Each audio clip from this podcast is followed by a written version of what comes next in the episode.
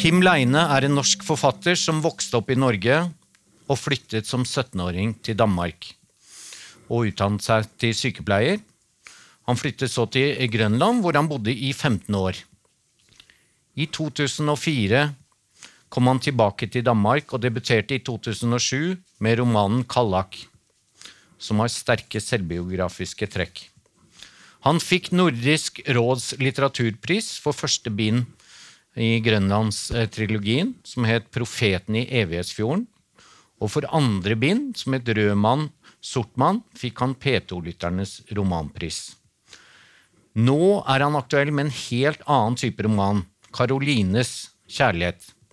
Den har fått svært gode anmeldelser, og blant annet skrev Dagbladets anmelder dette er krimboka vi har ventet på.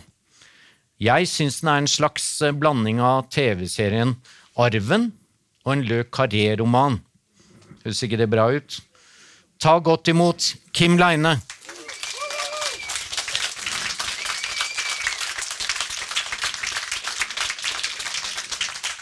Hallo, Kim. Hallo.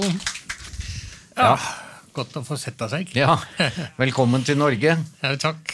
Det ser ut som du har liksom uh, Ja, ja, godt forberedt. Ja. Det er jo snø her. Men du, fortell, uh, hva slags bok er Karolines kjærlighet? Ja, hva slags og hva slags, eh, det Ja. vet jeg ikke Og litt om handlingen, da. Ja, mm, Det handler jo det Du kan si det er en slags politisk spenningsroman, hvis du endelig vil sjangerbedømme den.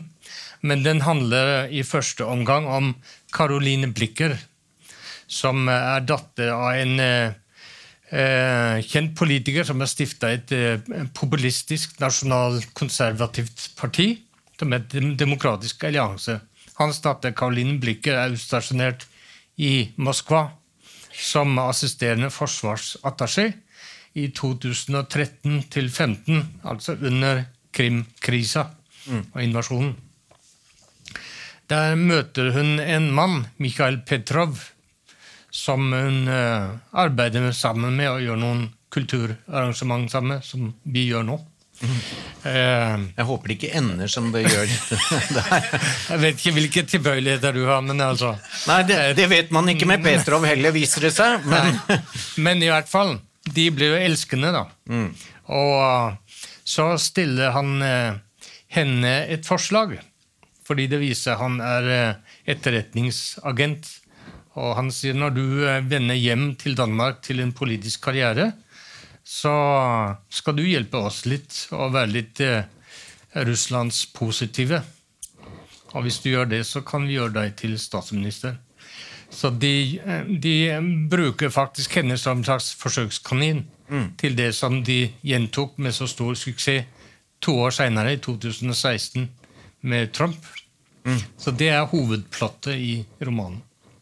Ja, og det er jo veldig fascinerende at du Altså, Karoline er leder av et sånn slags uh, Le Pen-parti i Danmark, som jo ikke fins. Nei. Men som er ganske troverdig. Ja. Nå finnes det jo faktisk nesten flere av de. Oh, ja. Fordi eh, vi har jo fått eh, Danmarksdemokratene, som er nasjonalkonservative. Vi har Dansk Folkeparti, som er danske danske søsterpartiet til Fremskrittspartiet. Mm. Um, så vi har, vi har flere og flere de typene, men de faller fra hverandre. De kan ikke finne ut av å arbeide sammen, heldigvis. Um, Så nå blir det nok en allianse i Danmark mellom sosialdemokratiet og, og partiet Venstre. Men det som er fascinerende da med Karoline, er at hun er, eh, som du beskriver veldig, troverdig, altså en kommende statsministerkandidat. Og så lar hun seg, eller hun blir eh, forelsket i et eller annet vis i denne Petrov. Og så er hun villig altså til å, om ikke selge sjelen, så i hvert fall noe sånt for å, at de kan hjelpe henne til å bli kanskje statsminister senere. Er det det som er begjæret hennes, eller hva, hva tenker du? Jeg heter jo Karlines kjærlighet. Og spørsmålet er, og det er liksom romanens gåte, kan du si, hva er Karolines kjærlighet? Og hvor ligger hennes lojalitet? Og hva er det hun eh, svikter eller forrår? Er det bakgrunnen? Er det faren? Og den kristne oppdragelsen hun har? Er det Danmark? Eller er det, noe, er det seg sjøl? Er det noe helt annet? Hvor langt er hun egentlig villig til å gå for å oppnå sine politiske mål? Mm. Og vet hun det i det hele tatt sjøl? Um, det her um, Fokus det flytter seg litt rundt hele tiden. Uh, mm. Så det er um, det er mesteparten av tida uklart hva det egentlig er som er Karolines egentlige kjærlighet. Ja, Jeg skal ikke røpe det, men på slutten så kommer det jo noen, eh, noen ting som man tenker er et lite svar. Men du eh, blander jo her virkelig fakta og fiksjon. Altså Du bruker både ekte danske politikere, og du blander inn Putin i, i handlingen med både i hvert fall replikker og det meste. Hvordan har det vært? Boka er jo inspirert av en eh, historie som gikk for noen år siden, om en dansk politiker. Men henne gir et annet navn. Og så bruker jeg noen eh, personer fra det virkelige liv, noen i det danske politiske systemet, som jeg lar eh, eh, få noen ukontroversielle roller men de gir liksom historien et virkelighetspreg og et aktualitetspreg. Eh, det er hensikten med det. Og så opptrer også Putin som, eh, som eh, et annet fokuspunkt. Mm. Um, så mm, det har vært en, en balansegang å sånn, finne ut av hva, hva jeg egentlig kan, kan, bruke de til, og hvor langt jeg kan tillate meg å, å gå. Og hvor mye jeg skal distansere Karoline fra den virkelige danske, det danske forbildet. Mm. Um, og det tror jeg har vært litt et problem for mange danske lesere, fordi de gjenkjenner ja. eh, Karoline. Ah, ja. Og det er brukt en, en virkelig person. Um, så det har vært så har du, eh, fordi I Norge har vi jo ikke tenkt på det, så du har jo bare fått nei, kjempegode kritikker her. jeg tror det har spilt en rolle i at den har fått en del dårlige ja. uh, anmeldelser i Danmark. Altså, det har liksom vært en slags støy som har uh, uh blanda seg inn i resepsjonen av romanen. Det må jo sies da at uh, ellers har du jo bare fått fantastiske anmeldelser i Danmark før, og er ja, ja. mye større og mer kjent, selv om du er norsk, i Danmark enn i Norge. Ja. Men, men, men, jeg har jo kommet hjem til Norge. Det, det er deilig, det. det er du her du hører til. Det hjalp jo da jeg fikk Nordisk råds litteraturpris. Ja, Da Fordi, ble du norsk igjen. du vet, Gro Harlem Brundtland sa det er typisk norsk å være god. Ja. Så når man gjør seg godt bemerka som nordmann ute i verden, så sier de 'kom heim att'. Ja, da blir, man, eh, da blir, vi stolte til slutt. Eh, men det du, det, dette handler om maktspill, begjær, høyrepopulisme, antisemittisme. Altså hvor du har laget en sånn smeltedigel av veldig mange sentrale og viktige temaer i vår tid. Hmm. Hva, var det planen, holdt jeg på å si, eller hva, hva er utgangspunktet for at du ville skrive denne romanen? Jeg er fascinert av høyrepopulismen. Mm. og vil gjerne liksom undersøke også undersøke den høyrepopulistiske tendensen som ligger latent, kanskje i meg, mm. kanskje i, i, de fleste. Um, um, som verden jo totalt beveger seg imot.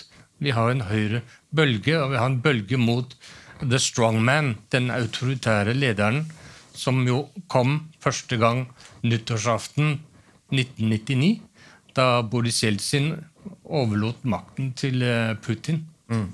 Og da virka han jo som en ganske fornuftig, demokratisk eh, og vestlig sinna, egentlig, eh, statsleder. Mm. Men da begynte et skred mot Høyre og mot, mot de derre populistiske og autokratiske styreformen. Så kom Erdogan, og så kom en trøst med andre. Nå er det både Polen, og det er Ungarn, og det er India, og det er Bolsonaro og flere andre land. Så mm. det er en global bølge mot, mot Høyre. Altså selvfølgelig Trump, men også Boris Johnson mm. representerte litt av det samme.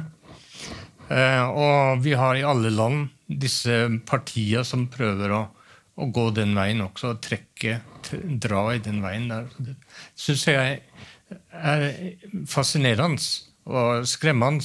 og interessant. Og det vil jeg gjerne eh, undersøke på en sånn måte som beskriver det innenfra. Eh, presentert av en person i en roman som eh, jeg skriver med lojalitet og solidaritet, selvfølgelig. Fordi det er ikke en satireskriv. Det er, skriver den fra personens egen synsvinkel. Eh, og det må jo ha vært veldig spesielt, for den er på en måte litt profetisk, selv om handlingen foregår eh, rundt Krim-krisen eller invasjonen, eller hva vi skal kalle det, rundt da, i 2013-2014. Men da du skrev dette, så var det vel idet du var omtrent ferdig med den danske utgaven, så skjedde jo invasjonen i Ukraina. Ja. Hvordan var det for deg? Ja, men Det liksom? var merkelig. Mm. Selvfølgelig. Fordi jeg har hatt den her på tegnebrett i, i sju år, tror jeg. Ja. Denne romanen. Skriver den eh, sommeren og høsten 2021. Og redigerer selvfølgelig fortsatt litt eh, da eh, invasjonen, den nåværende krigen, invasjonen, skjer. Og skulle egentlig til Russland på researchtur den 26. februar. Men det ble jo avlyst. Ja. Så det var veldig rart å se hvor skremmende aktuelt det ble mens jeg arbeidet på redigeringa. Og det jeg syns er fascinerende er jo, og skremmende i boken, er jo også at du lar flere av personene, som også sikkert mange var her i Norge i en del år, var altså er veldig altså De er fascinert av Putin mm. som en positiv figur, ikke det skrekkbildet vi nå har av ham. Nei. Krigen har jo gitt oss noen andre briller å se ham med. Mm. Så nå ser han jo helt annerledes ut enn han, han uh, gjorde før. Ja. Han har blitt uh, denne reptilen som Roy snakka om, som uh, sitter gjemt i sin bunkers og venter på å ramle ut av vinduet, hvilket var et mirakel ramle fra et vindu 30 meter under jorda. Mm. Men det er kanskje det som, som han ender med. Men eh, hva vet vi?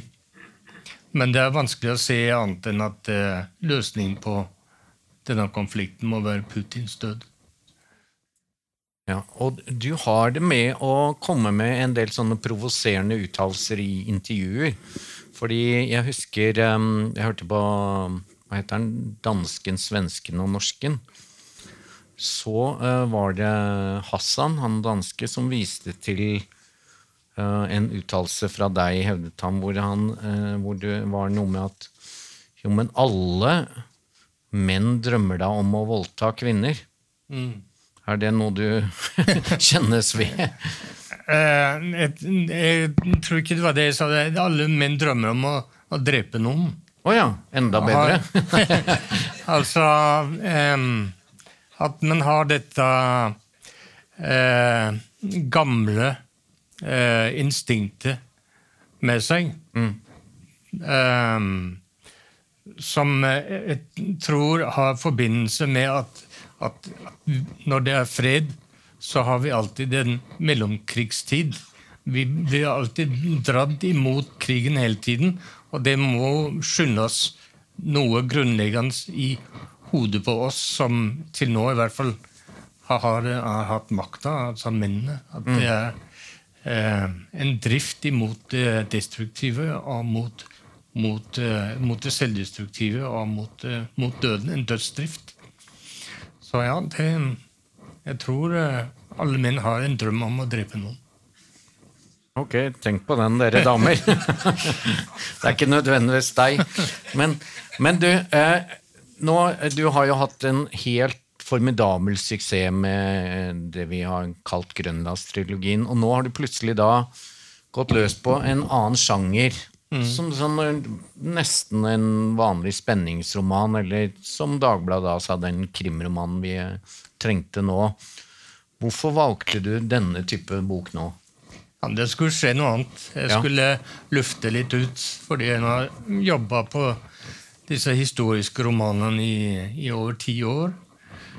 Og trengte til litt eh, frisk luft og litt eh, nåtidighet. Og trengte noe som det var litt mer tempo over. Mm. Fordi de historiske romanene skjelner ikke mellom seriøs litteratur og underholdningslitteratur, men over eh, rask litteratur og langsom litteratur. Og de der eh, grønlandske romanene, det er langsom litteratur. Det er episk litteratur som dveler og tar seg god tid og arbeider mye med nyansering eh, og beskrivelser. Eh, Så det er ikke så mye tempo over de. Og det tar lang tid å lese de. Mens eh, Karoline-bøkene, det ble tre av de. Mm. Ja, det blir, fortell om det. Ja Det er, de jo, det, er jo, ja. det er jo fort litteratur. Det er Ja. rask litteratur. Men det kommer to til, altså. Um, ja, det, mm, nummer to heter Karolines kamp. Den er jeg stort sett ferdig med. Ja. Den, uh, Karoline eh, hun uh, kommer tilbake og får en eh, politisk karriere. Og blant annet skriver hun en eh, russisk blogg som er veldig Putin-positivt.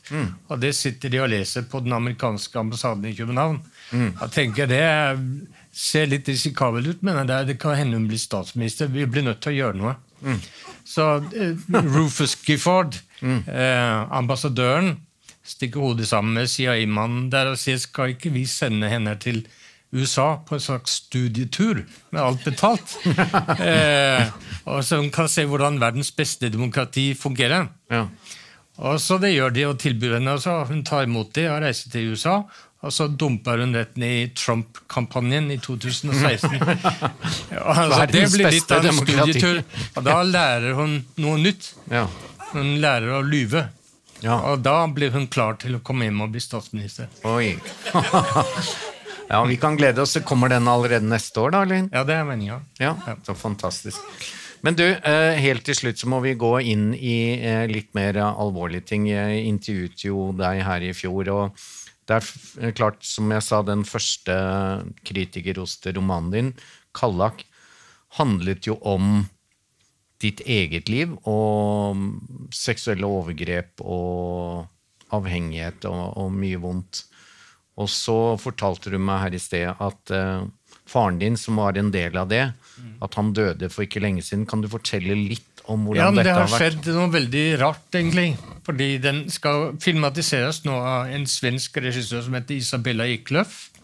Hun intervjua faren min for et par år siden i leiligheten hans. Og kikka med store øyne på denne leiligheten som er en, en 70-tallsboble. Altså, man har ikke forandra seg på 40 år. Og spør faren min kan jeg få lov til å filme her. Men det vil han ikke. Det sa han nei til.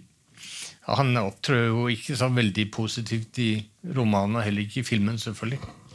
Så dør han nå i januar, 86 år gammel, men etterlater seg sin mann, Finn, som er 13 år yngre. Og så gikk eh, Isabella til han og spurte kan vi få lov til å, å filme i uh, leiligheten. Det var her alt skjedde i sin tid. Så det kunne vært et skup hvis vi kunne få lov til det. Så sier han ja, jo, kanskje det. La oss snakke om det etter sommerferien, sier han. Og så den eh, 17. august i år ringer Københavns politi til meg og sier kjenner du Finn Andersen som bor der og der. Han er nettopp blitt eh, funnet død i leiligheten sin. Mm. Du kan komme ned og hente nøklene til leiligheten. Så jeg gjorde det, og nå har jeg fått overdratt leiligheten. er universal arving. Fordi det var ikke noen familie. Så jeg kontakter Isabella selvfølgelig og sier vær så god, leiligheten er din. Så nå har det blitt opptatt de scenene i leiligheten hvor det foregikk for over 40 år Ja, siden. fortell litt, for det er ganske mange som ikke vet helt hva som foregikk, på en måte, og hvordan eh, det fæle var. Ja, jeg kom jo til København. Jeg rømte hjemmefra. 17-åring? Ja, jeg rømte hjemmefra for Seljord. I 1978 kom til København til min far, som bodde sammen med i et homoseksuelt forhold. Og ble, han utsatte meg for noen seksuelle overgrep som varte et års tid. Og så begynte liksom den langsomme løsrivelsesprosessen. Fordi det er også en symbiose. En sånn eh, seksuelle overgrep. Så, og Det er det som gjør det vanskelig å løsrive seg, og det tar lang, lang tid. Og Jeg, tenker, jeg syns jo egentlig først da jeg skrev 'Kallak' i 2007 at den endelige løsrivelsen lyktes for meg. Um, så det, og Der beskriver jo den ankomsten til København, og det både på godt og ondt, uh, det møtet det var, og den løsrivelsen det fra, fra, fra min bakgrunn i Seljord og oppdraget som Jehovas vitne, og den bakgrunnen der. Mm. Så det var også en løsrivelse og en befrielse, men det var så, å gå inn i noe nytt som også var destruktivt og dårlig. Så det, det har vært en veldig lang løsrivelse fra, fra eh, det misbruket, som har også har omfatta mitt eget misbruk av substanser. Ja, og det syns jeg var så fascinerende at du vi rekker ikke å gå inn på det, men du har liksom vært misbruker av alkohol, av narkotika, av sex og kvinner og sjokolade.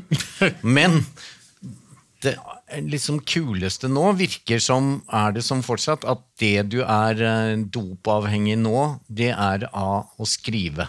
Ja. You gotta serve somebody, ja. som man sier. ikke sant? Må, altså det skjer to ting for eh, gamle narkomane. Mm. Enten eh, brenner de ut, og så blir de en slags zombier som er litt døde. Omvandlende døde. Og har liksom bare én ting. Det er møtene i NA. og og, og, og, hegne om sitt, eh, mis, sin identitet som tidligere misbruker. Eller så må du finne et nytt, en ny avhengighet. Det kan selvfølgelig være litt risikabelt, fordi man vet aldri hva som skjer med en avhengighet. Men det er i hvert fall min avhengighet nå. Det er å, å skrive av hele det der litteraturlivet og det som vi, vi, gjør akkurat nå. Som jo er litt mer positivt enn, en det andre. Og det må jeg si, eh, vi lesere er utrolig glad for at du har denne avhengigheten nå. Å skrive enda flere bøker, både om Karoline og om Grønland osv. Gi Kim Leine en kjempeapplaus. Boktips, en podkast fra Cappelen Dam.